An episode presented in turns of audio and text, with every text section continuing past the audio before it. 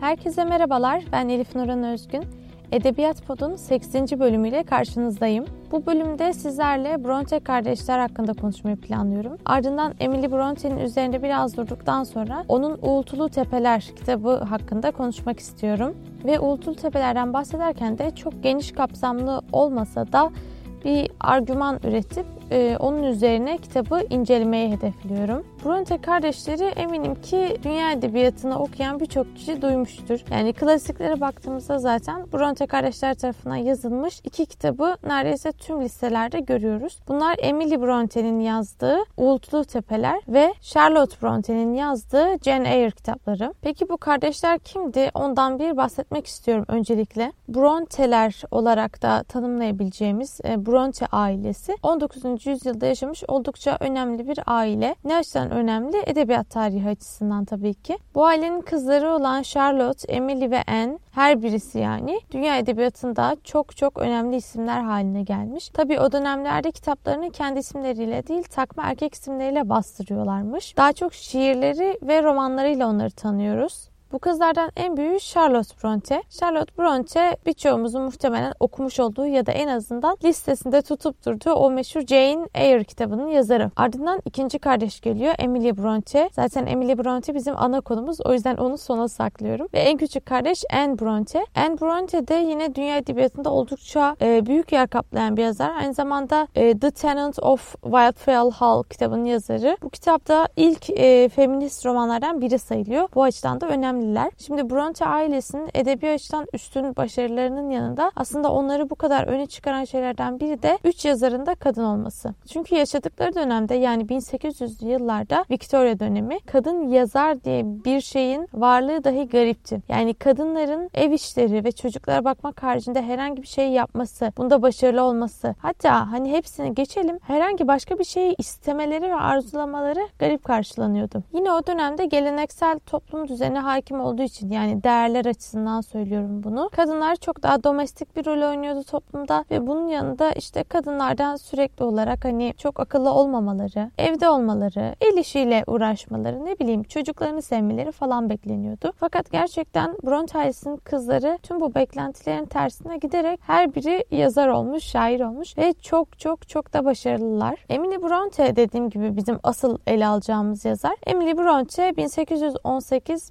18 1848 yılları arasında yaşamış İngiliz bir roman yazarı ve şair. Onu hepimiz Wuthering Heights yani Türkçesiyle Uğultulu Tepeler romanıyla tanıyoruz. Bu roman Emily Bronte'nin yazdığı tek roman aslında. Ee, bir de bir tane daha kitap var. O da şu. E, Poems by Currer, Ellis and Acton Bell. Yani nedir bunun Türkçesi? Currer, Ellis ve Acton Bell'in şiirleri. Bu kişiler kim diye düşüneceksiniz. Bu kişiler Charlotte, Anne ve Emily tabii ki. O zamanlar kullandıkları erkek isimleri Currer, Ellis ve Acton Bell yani soyadlarını da Bronte değil Bell olarak kullanıyorlarmış o dönem. Yazdıkları şiirleri Emily Bronte toplamış ve bir kitap halinde bastırmış. Emily Bronte'nin ismi buradaki üç isimden Alice olan. Yani yaşadığı dönemde yazdığı kitapların hepsini Alice Bell mahlasıyla yazmış.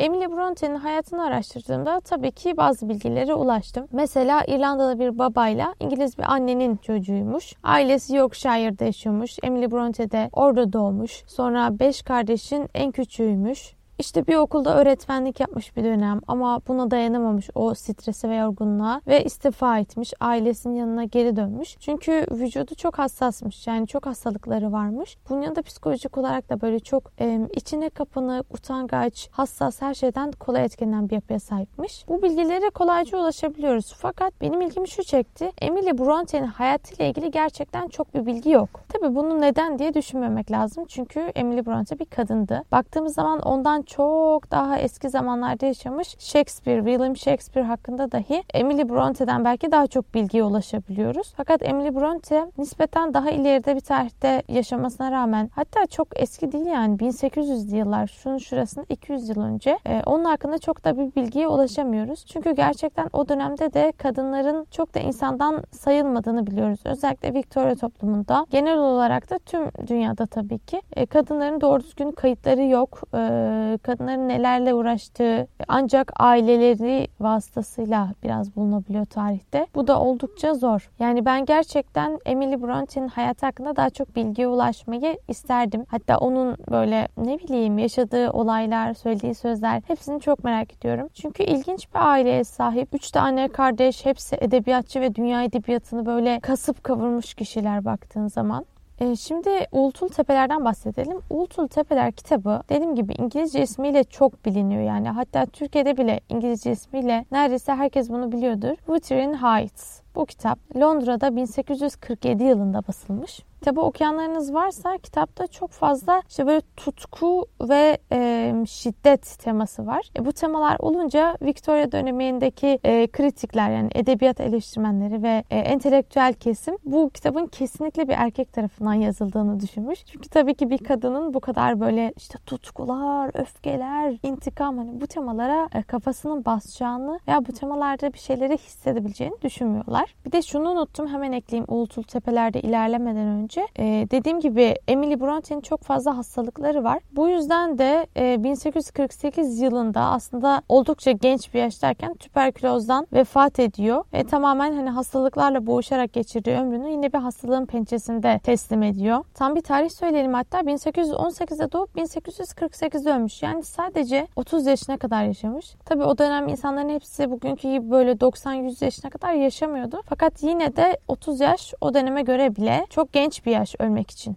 Evet Emily Bronte'yi de mezara gömdüğümüze göre şimdi hemen Uğultul Tepelere geri dönüyoruz. Dediğim gibi 1847 yılında Alice Bell takma adıyla yayınlıyor Emily Bronte bu kitabı Londra'da. Kitap romantisizm akımından e, daha çok etkilenmiş baktığımız zaman ve bizim işte gothic fiction dediğimiz bir şey var. Gotik kurgu, gotik romanlar. Bu akımdan da çok etkilendiğini görüyoruz. Ultul Tepeler'in gotik edebiyatla ilişkisi ve nasıl gotik ögeleri barındırdığı ayrı bir podcast konusu olabilir. O kadar uzun bir iş bu. E, o günden bugüne e, Ultul Tepeler'in çok fazla film, bale, tiyatro yani sayamayacağım kadar çok farklı sanat dallarında adaptasyonlara uyar uyarlamaları yapıldı. Eminim filmlerden birini izlemişsinizdir. Gerçekten başarılı da filmler yapılmış. Ben de araştırırken rastladım. E, sayısı yok yani ve her birisi çok güzel. Muhakkak bir tanesini izlemenizi tavsiye ederim yani. Şimdi kitaptan biraz bahsedeyim. Bu kitap iki katmanlı bir kitap. Yani bir çerçeve anlatısı var. Böyle e, katmanlı anlatılardan ve geriye dönük anlatılardan bahsetmiştim aslında daha önceki bölümlerinde podcastimizin. E, Radva kitabından bahsederken bunları da değinmiştik. Fakat bu kitap daha farklı. Yani şöyle çerçeve anlatısı ne demek hemen onu söyleyeyim. Bu roman nasıl başlıyor hemen şöyle anlatayım. E, Lockwood diye bir adam Yorkshire'da Trash Cross Grange ismi verilen işte bir bölgedeki e, evde kiracı olarak oturmak istiyor ve e, o evin sahibi olan Heathcliff ile görüşüyor. Heathcliff de hemen bu eve yakın bir yerdeki Wuthering Heights bölgesinde bir e, şatoda oturuyor. Bu evi gezdiği sürede Lockwood o evin hizmetçisiyle tanışıyor Nelly ve Nelly ile konuşmaya başladıklarında bu anlatı gitgide gitgide açılıyor ve Nelly'nin anlattıklarıyla biz aslında yıllar öncesine dayanan bir hikayeye uzanıyoruz. Catherine ve Heathcliff'in hikayesine.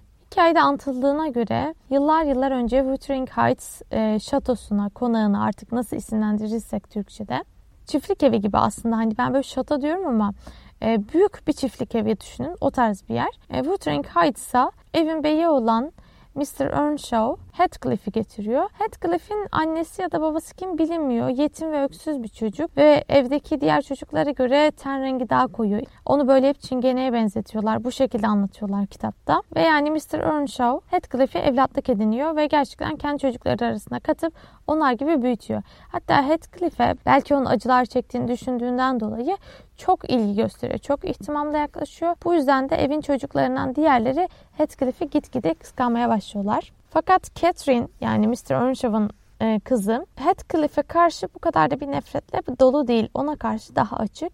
Zamanla Heathcliff ve Catherine bu şekilde çok yakın arkadaşlar oluyorlar. Çünkü ikisinin de içinde böyle nasıl anlatsam durduramadıkları böyle bazı şeyler var. Enerji diyeyim hani. İkisi de böyle çok meraklı çocuklar. Oldukça tutkuyla dolular hayata karşı. Büyüdüklerinde ise şöyle bir şey oluyor. Zamanla bizim bu Catherine e, gitgide işte toplumun ondan istediği gibi tam bir lady oluyor. Heathcliff ise e, tabii ki o da bir beyefendi oluyor ama yine de üzerinde o farklı bir yerden gelmenin getirdiği havayı taşıyor. Hikayenin devamında şöyle görüyoruz. Şimdi en başta Lockwood'un kiracı olarak geldi. Thrushcross Grange evinde yaşayan Edgar isminde bir beyefendi var. Bu da gerçekten tam olarak bir beyefendi. Yani kibar, işte böyle centilmen, harika bir konuşma tarzı, mükemmel kıyafetler, tertemiz işte kokular vesaire vesaire hayal edilebilecek en böyle üst klas insanlardan birisi o dönemde. Aynı zamanda fiziksel özellikleri çok önemli çünkü kitapta bunlar çok vurgulanıyor. Ee, sarı saçlı, mavi güzel, büyük gözleri olan birisi Edgar. Evet hikayenin devamında Catherine aslında delicesine Heathcliff'e aşık olmasına rağmen gidip Edgar'la evleniyor. Bunu da neden yapıyor? Çünkü Edgar'la evlenmenin ona iyi bir sosyal statü getireceğini düşünüyor. Kendince mantıklı düşünüyor ve e, bunu hayata geçiriyor aslında. Heathcliff tabii ki çok üzülüyor, çok darılıyor. Yani üzülmekten de ziyade aslında sinirleniyor bu olaylara ve orayı terk ediyor. Yıllar boyunca çiftliğe bir daha hiç gelmiyor. Bu sırada da kendisi gittiği yerde şehirde zenginleşiyor. Bir yandan da aklında sürekli planlar dönüyor. Ardından çiftliğe geri döndüğünde ise tekrar oraya adapte olmaya başlıyor ve e, gidip Edgar'ın kardeşi olan Isabel'le evleniyor. Isabel'le evlenmesi tabii ki tamamen intikam hırsından doğan bir şey. Yani biraz Catherine'e yakın olmak için, biraz da kendi hakkındaki planları uygulamaya koymak için. Kitabın devamında karakterler bir bir ölmeye başlıyorlar tabii ki ve Heathcliff hayatta kalıyor. Biri hasta oluyor, biri çocuk doğururken ölüyor derken sadece Heathcliff ve çocuklar kalıyor çiftlik evinde. Heathcliff de çocuklar üzerinden başlattığı bir intikam planını hayata geçirmeye başlıyor. Yani bu kitapta biz aslında Heathcliff'in aşk ve intikam arasında gidip gelen duygularını okuyoruz tüm kitap boyunca. Kitabı benim ele almak istediğim nokta şu. Podcast'ın başlarında söylemiştim. Ben karşılaştırmalı edebiyat okuyorum ve bu sene son sınıfım. Bir derste bu kitabı okuduk ve bir ödevimiz oldu. Ödevimizde bu kitap için bir giriş yazısı yazmaktı. Ben de burada ateş ve buz kavramları üzerinden bu kitabın mini bir okumasını yaptım. Ve burada neler çıkarttım sizinle paylaşmak istiyorum. Kitap zaten tamamen işte kontrastlarla, zıtlıklarla dolu bir kitap. Bunun üzerine inşa edilmiş. Baktığımız zaman misal yani en basitinden mekanlar. Trash Cross Grange kitap boyunca böyle harika, güneşli, mükemmel bir yer olarak anlatılıyor. Ama Wuthering Heights kitap boyunca fırtınaların eksik olmadığı, sürekli bulutların olduğu, ikliminin berbat olduğu bir yer olarak tanımlanıyor. Tabii ki buradaki en en en büyük dualite Edgar ve Heathcliff. Heathcliff ve Edgar birbirlerinin tam olarak zıttı karakterler. Edebiyatta biz hatta buna bir şey diyoruz folio. Yani folio ne demek oluyor şu? Bir karakter yapıyorsunuz ve bu karakterin tam zıttı olan başka bir karakter daha üretiyorsunuz. O da diğerinin folyosu oluyor. Neden böyle bir şey yapıyor edebiyatçılar? Çünkü biliyorsunuz ki her şey zıttıyla kaim. Yani e, eğer beyaz renk olmasaydı siyahın çok da bir anlamı olmazdı. Ya da eğer cimri insanlar hiç olmasaydı cömert olmak bir erdem olmazdı. Aynı bu mantık eğer yazdığınız eserde de en çok emek harcadığınız karakter karakterin bir zıttını yaratırsanız o karakteri çok daha kolay bir şekilde öne çıkarabilirsiniz. Emily Bronte tabii ki tüm bunları fazlasıyla farkındaymış ve yazım stilini de buna göre geliştirmiş. Dediğim gibi kitapta çok fazla ikilik, çok fazla kontrast var. Zaten kitap bunlar üzerine. Fakat asıl odaklanmamız gereken yer bence ilişkiler. Bu ilişkiler de tabii ki tüm insanların ilişkileri değil de en temelde yer alan Catherine'in Heathcliff'le ilişkisi ve Catherine'in Edgar'la ilişkisi. Benim görüşüme göre kitaptaki en büyük dualite bu ikisi. Yani Catherine'in e, her iki erkekle olan ilişkisinin birbirine olan durumu. Bunları ben ateş ve buz kavramları ile çok yakından ilişkili görüyorum. Neden? Şöyle açıklayayım. Catherine gerçekten çift yönlü bir karakter. İki farklı dünyanın arasında mekik dokuyor. Bir ona gidiyor, bir ona gidiyor. Bir yandan kendi içinde böyle çok vahşi, özgür, tutkularla dolu bir Catherine var. Ve bu Catherine delicesine Heathcliff'i istiyor. Diğer yandan da bencil, daha soğuk, böyle toplumun kendinden beklediklerinin farkında olan ve aslında biraz da bunlar hoşuna giden bir Catherine var. Çünkü Catherine'de şöyle bir şey diyemeyiz. İşte toplum ona baskı yaptı. Catherine bunu istemiyordu.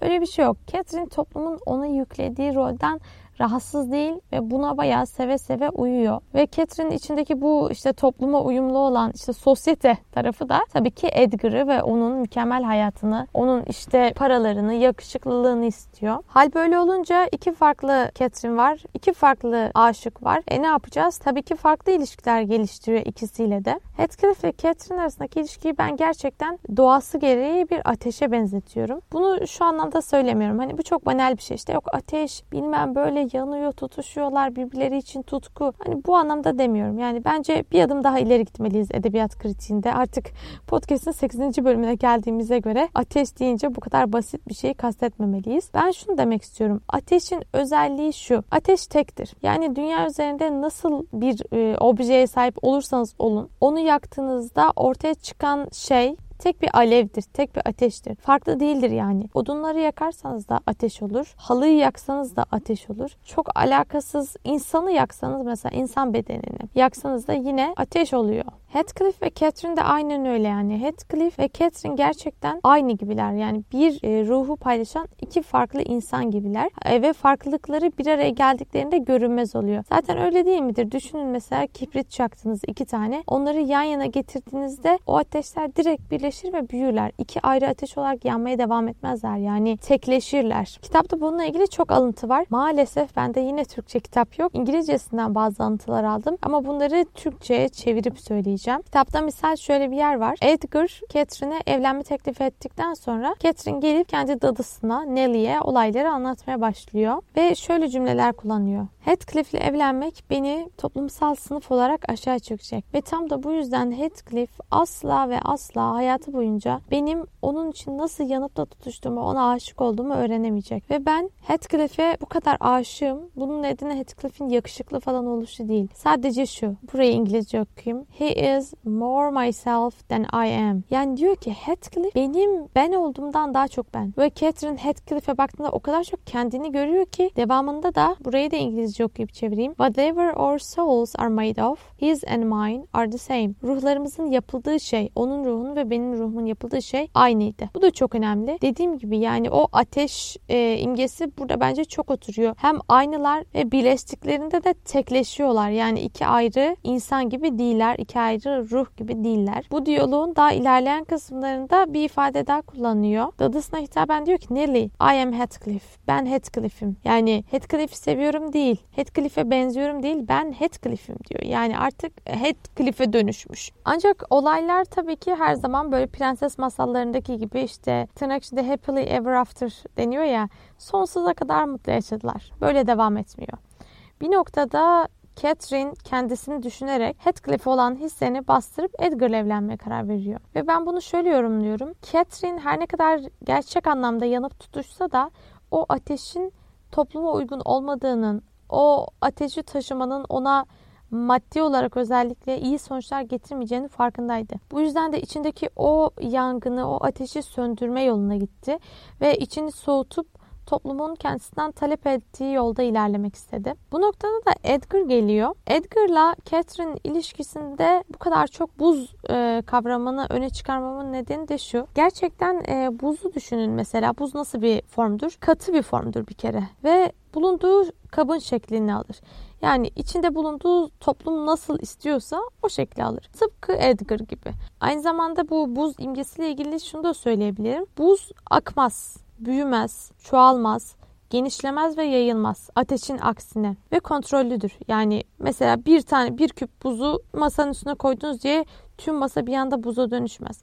Buz orada kendi kendine durur yani yeterli bir e, derecede tuttuğunuz sürece erimez de o şekilde durmaya devam eder. Toplum şartları buna izin verdiği sürece. Edgar ile Catherine ilişkisi aslında böyleydi gerçekten. Tamamen toplum normlarına uymak için yapılmış bir evlilik bu. Ve bunun yanında ilişkileri iki tarafı da böyle e, kasıp kavuran, içine çeken, böyle birbirine bağlayan bir ilişki değil. Tamamen iki ayrı buz küpü gibiler ve birbirlerine asla karışmıyorlar. Burada da şöyle bir alıntı vardı. E, Catherine işte Heathcliff'le benim ruhum aynı şeyden yapıldı falan dedikten sonra diyor ki Nelly'e Diyor ki and Linton's yani Linton'un, Edgar Linton'un ruhunun yapıldığı şey is as different as a moonbeam from lightning, a frost from fire. Burada en önemli yer a frost from fire. Frost da yine böyle e, dondurucu soğuk, buz, e, buzul gibi anlamlara geliyor. Yani diyor ki Edgar'la benim ruhumun yapıldığı özler tıpkı bir ateşle buz kadar birbirinden farklıydı. Birbirine zıttı. Burada da aslında gerçekten bize edebiyat kritiği açısından büyük bir yardımda bulunuyor. Ben tamamen bu alıntıdan yola çıkarak işte buz ve ateş ikilemini ortaya koymuştum. Evet şimdi bu ateş ve buz üzerinden çok mini bir okuma yaptık gördüğünüz gibi. Tabii ki Wuthering Heights çok büyük bir kitap. E, hacim olarak da yani 400-500 sayfalık bir kitap. Hacim olarak da e, geniş olduğunu söyleyebilirim yani. Bu yüzden Wuthering Heights'ın tamamını kapsayacak bir okumayı gerçekten 15-20 dakikaya sığdırmak imkansız. Bunun yanında Wuthering Heights'ın tüm karakterlerini inceleyeceğimiz bir oturum da yapamayız. Ancak benim burada göstermeyi hedeflediğim şey biraz şu. Bir kitabı okurken eğer onu kritik etmek istiyorsanız, onunla ilgili bir yazı yazmak istiyorsanız size tavsiyem muhakkak bir nokta bulmanız olacak. Yani bir argüman bulmanız olacak. Mesela burada benim argümanım neydi? İşte Wuthering Heights'taki ilişkiler buz ve ateş ikilliğinden yola çıkılarak okunabilir ya da buz ve ateşle temsil edilebilir. Ben tamamen bunu düşündüm ve tüm kitabı bunu düşünerek okudum. Tekrar okudum. E, bununla ilgili alıntıların altını çizdim. İşte ateşin özelliklerini düşündüm. Ateş hakkında araştırma yaptım. Buzun özelliklerini düşündüm. Buz üzerine araştırma yaptım. Düşündüm işte mesela ateş yayılabiliyor. E, yani bunu nereye oturtacağım? Şuraya oturtabilirim ki Catherine ve Heathcliff'in aşkı böyle kontrolsüz, e, zarar verecek, topluma çok uymayacak ve sürekli artan bir tür. Fakat e, diğer yandan buz asla yayılamayan bir şey, sabit bir form. E, bunu ben kitapla nasıl bağdaştıracağım? E, demek ki tamam e, Edgar'ın ilişkisi ve Catherine'in ilişkisi bunların uzaklıkları buz nasıl bir form, buzu bir kalıba koyabilirsin falan falan. Hani bu da Edgar'ın topluma uyması. Bunların hepsini kendi kafamdan bir şekilde birbirine bağlamaya çalışıyorum. Aslında bu çok büyük bir marifet değil, çok farklı bir şey değil. Ama benim e, kitap e, eleştiri yazılarında gerçekten önem verdiğim şey bu oluyor. Bir argümanı var mı ve bu argümanı temellendirmiş mi? Daha demin yaptığımız şey de çok mini bir argümantasyon ve mini bir işte alt doldurma yani argümanın altını doldurma işlemiydi. Bu dediklerimizi yazıya döktüğümüzde de elimizde bir edebiyat eleştirisi metni oluyor. Umarım bu anlattıklarım hem Emily Bronte'yi biraz tanımanıza vesile olmuştur. Hem e, Wuthering Heights'ı okumadıysanız okumanıza vesile olacaktır. Veya okuduysanız da tekrar hatırlamışsınızdır benim sayemde. Ve tabii ki hepsinden de ötede bir edebiyat eleştirisi ve argüman üretmenin nasıl yapılacağı hakkında bir fikir sahibi olmanızı sağlamışımdır. Beni dinlediğiniz için çok teşekkür ediyorum. 8. bölümünde burada sonuna geldik. Önerilerinizi, eleştirilerinizi her zamanki gibi sosyal medya hesabım üzerinden bana iletebilirsiniz. Hepinize çok güzel ve kitaplarla dolu günler dilerim. Sağlıkla kalın.